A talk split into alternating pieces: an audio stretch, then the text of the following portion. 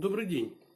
Цены на нефть продолжают снижаться, несмотря на то, что была заключена неделю назад сделка с ОПЕК. Чем э, меньше остается срока для начала ее исполнения, тем больше возникает сомнений не только в достаточности э, этого объема снижения, о котором договорились, но и вообще о выполнимости этого соглашения. В частности, конечно, есть вопросы по российской нефтедобыче. До сих пор непонятно, каким образом сами компании будут решать эту проблему. Минэнерго разослала предложение о пропорциональном снижении Э, так сказать, э, добычи пропорционально доле компаний на нефтяном рынке. Ну, с одной стороны, это вроде бы справедливо, потому что понятно, что кто больше добывает, тот больше должен сократить. Если Роснефть контролирует больше 40% нефтедобычи, то, собственно говоря, ей больше всего и сокращать. Но это только с одной стороны. А на самом деле компании обладают разным банком вот этих месторождений и скважин самого разного качества – а, поэтому просто пропорционально оно на самом деле не будет справедливым. Кто-то может сократить и больше, а кто-то не может сократить даже этого. А, и в частности возникают вопросы о том, а, какой метод будет использован при сокращении, как сами компании будут определять, что им сокращать. Тут существует как минимум три подхода. Значит, первый подход технологический. И возникает вопрос, что будет правильно и стратегически более верно – то ли заморозить те скважины, э, которые сейчас дают малую отдачу, и, соответственно, потом их уже нельзя будет обратно расконсервировать. То есть они э, вообще, так сказать, выпадут из э, фонда. А, либо сокращать добычу на, так сказать, богатых и мощных ресурсных месторождениях с тем, чтобы потом ее можно было легко сократить. В то время как продолжать, так сказать, объединенные продолжать вырабатывать до полного истощения их ресурса.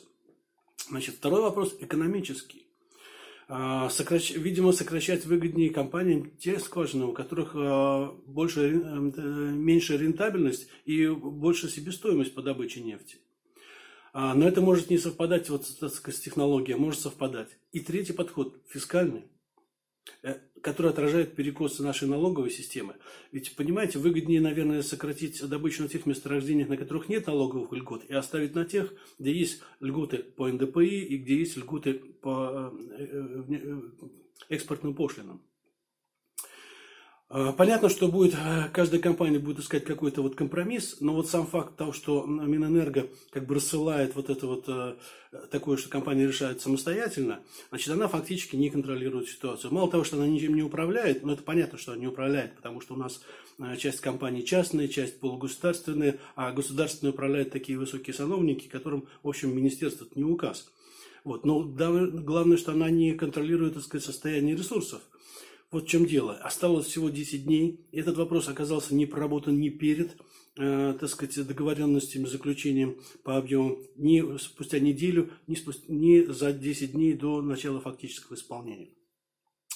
Конечно, мы можем пойти на такой шаг, как обычно, сделать, сделать это, то есть э, начать, начать снижение с 1 э, мая с тем, чтобы постепенно дойти до нужной нормы. Но, похоже, нас вставят э, в жесткое положение – Потому что, судя по всему, Саудовская Аравия готова к тому, что мы не сможем начать выполнять, и готова к тому, чтобы сделку расторгнуть и обвинить нас, э, так сказать, в ее неисполнении со всеми последующими так сказать, санкциями. Во-первых, она объявила, что она готова с 1 мая снизить уже до требуемой величины добычу.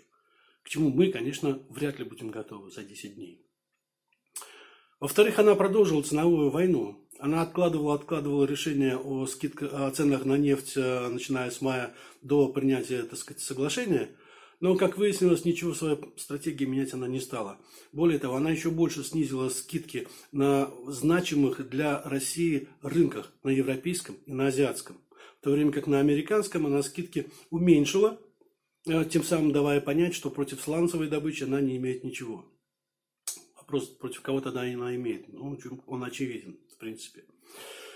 А, и вот в этой ситуации наша нефтяная отрасль оказывается в очень сложном положении. С одной стороны, невозможно сократить эффективно нефтедобычу, с другой стороны, э, все труднее будет продавать добытую нефть, и с третьей, нам ее негде хранить.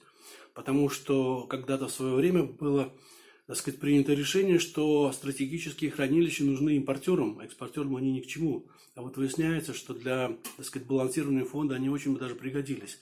Если сейчас их спешно начать строить, это, конечно, большие затраты, но, как говорится, дорогая ложка к обеду. Сейчас это ничем не, уже не поможет.